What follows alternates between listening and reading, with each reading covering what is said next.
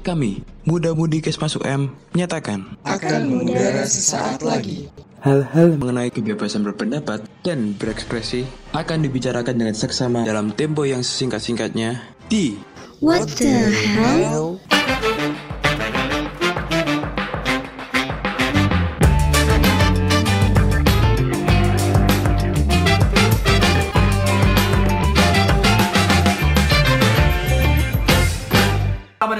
Di podcast What the Hell Ketemu lagi? Ya enggak dong, Oh iya kan baru episode satu. Baru ketemu Ya, baru ketemu. bersama saya Muhammad Rifki dari Departemen Kominfo Divisi Multimedia Dan sekarang kita ada di Spotify Di program terbaru dari HMJ Kes Masuk M Yang berjudul What the Hell Sebelumnya mau ngucapin selamat dulu nih ya. Akhirnya HM juga Mas punya podcast dong.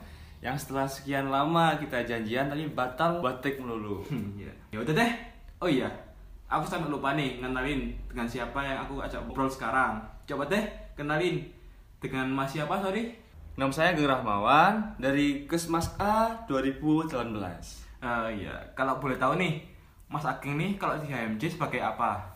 Saya di HMJ menjabat sebagai pengurus harian.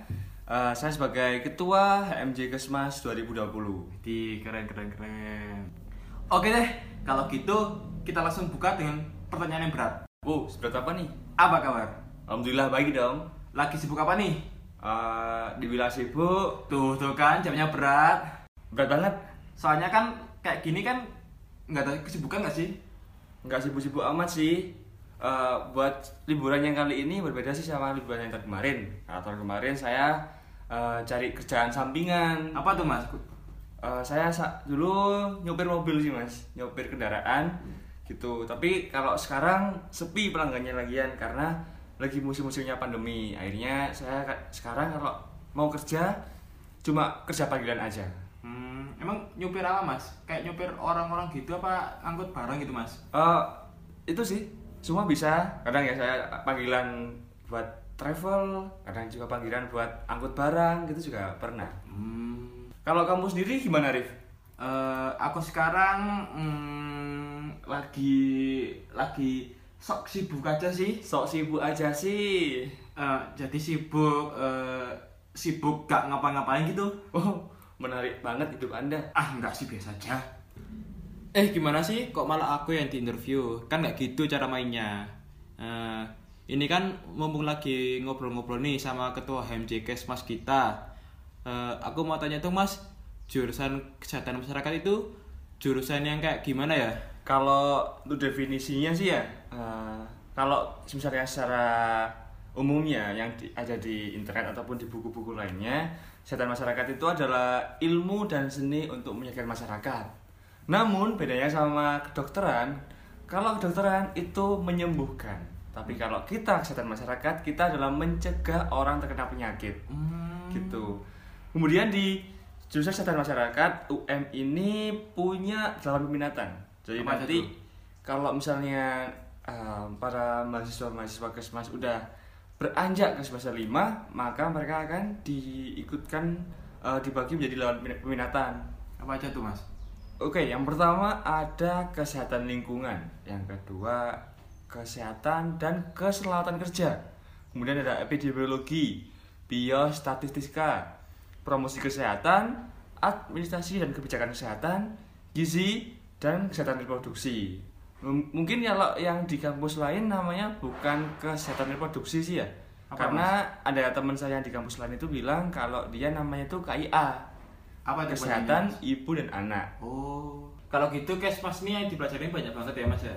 banyak banget karena apa ya di kesmas ini menurutku kita mempelajari semua bidang keilmuan sih Eh, kalau emang yang dipelajarin banyak banget, apa entar kita itu prospek kerjanya juga luas mas? Eh, iya benar karena karena kita banyak yang pelajari banyak bidang yang kita pelajari kayak contohnya eh, kebijakan ekonomi kesehatan ataupun dan ahli-ahli seperti gizi lingkungan sama K3 itu eh, membuat prospeknya kita itu jadi lebih luas jadi kita bisa masuk ke rumah sakit kita bisa ke bagian eh, politik contohnya kita masuk sebagai pemerintah itu sih ya mungkin jadi, jadi menteri kesehatan mungkin Mengatur gitu. kebijakan gitu ya, eh, jadi kepala dinas nah itu Hmm. kepala rumah sakit itu juga bisa kemudian eh, juga bisa ke bagian-bagian kerja yang lain juga contohnya misalnya kita mau kerja di daerah eh, pertambangan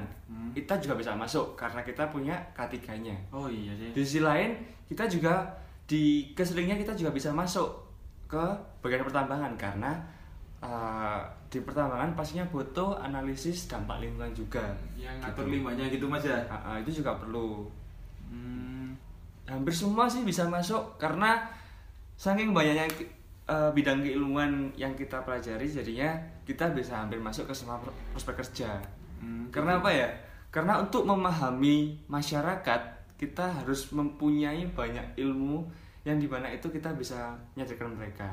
Kayak contohnya ilmu psikologi ilmu tentang eh, manajemen ekonomi kemudian ilmu tentang eh, gizi lingkungan sama penyebaran penyakit. Itu semua statistika. Hmm. Itu juga eh, sangat sangat apa ya sangat kita perlukan untuk menyadarkan masyarakat gitu Oh gitu ya mas ya. Eh, apa gara-gara prospek kerja yang luas nih? Ageng jadi pengen masuk kesmas atau mungkin ada alasan yang lain? Kalau saya sih cenderung ke asalnya yang lain sih ya. Saya nggak terlalu cenderung cenderung memilih yang prospek kerja. Karena kenapa? Eh, prospek kerja itu tidak tidak sepenuhnya ditentukan oleh jurusan kita atau kampus kita. Cuma kembali ke diri kita sendiri.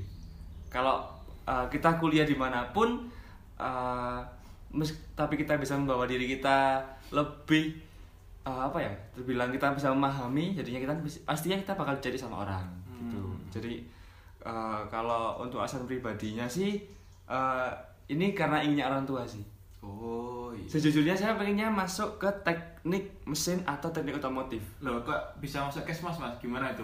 ya karena kan tadi yang saya bilang kan orang tua itu kayak eh, apa ya kan di bidang kesehatan juga akhirnya eh, pengennya masuk ke pengennya saya masuk ke SMAS dan berhubung saya juga anak terakhir eh, saya anak kedua eh, saya SMA-nya dulu atau sebelum kuliah itu juga termasuk itu ya termasuk sering membantah bukan membantah sih sudah dibilangi orang tua.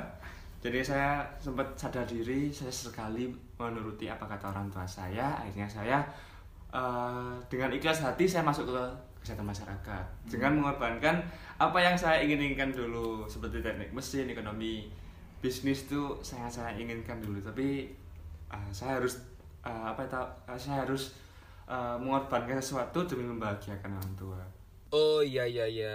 Ngomong-ngomong, ada suka duka gak sih mas selama mas Ageng masuk kesmas kayak pengalaman-pengalaman gitu? Kalau suka duka sih banyak sih ya. Mungkin dimulai dari suka terlebih dahulu. Eh, suka apa duka?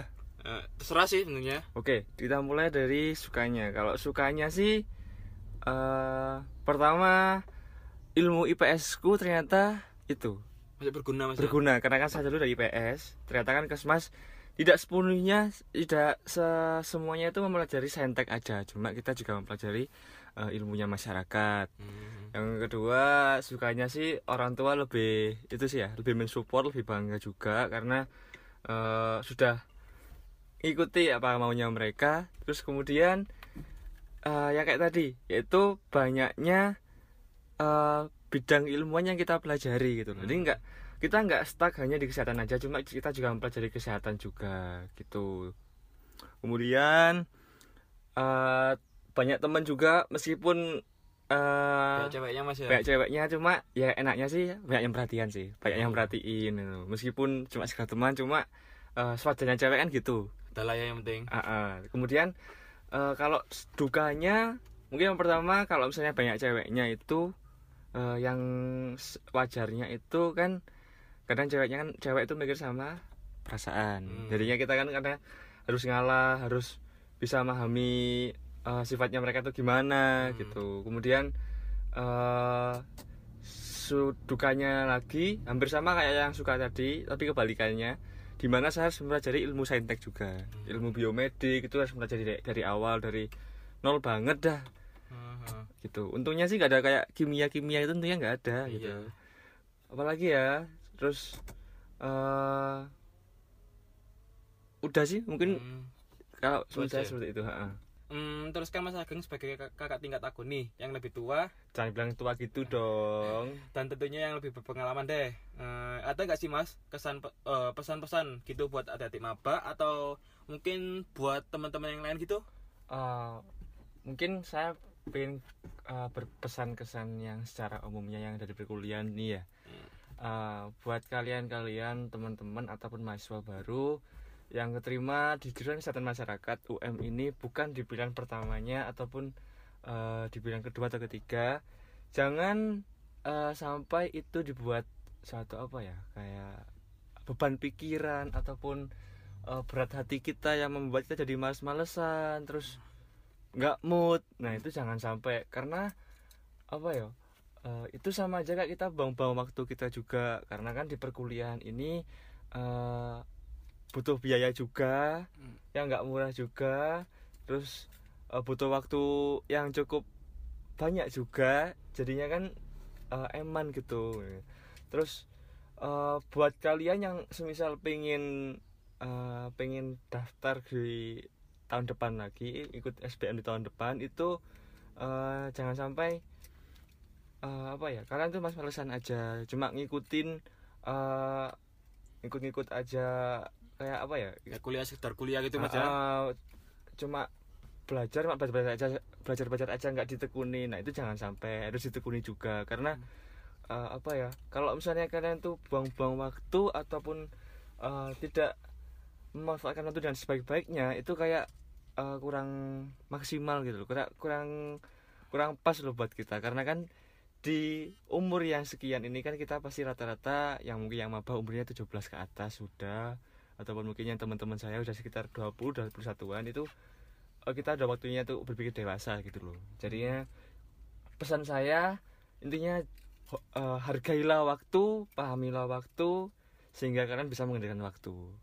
Hmm, gila nih, banyak banget informasi yang bisa kita dapetin dari eh, informasi dari Mas Ageng ini. Eh, oke deh, mudah-mudahan podcast ini bis- bisa berfaedah buat teman-teman semua.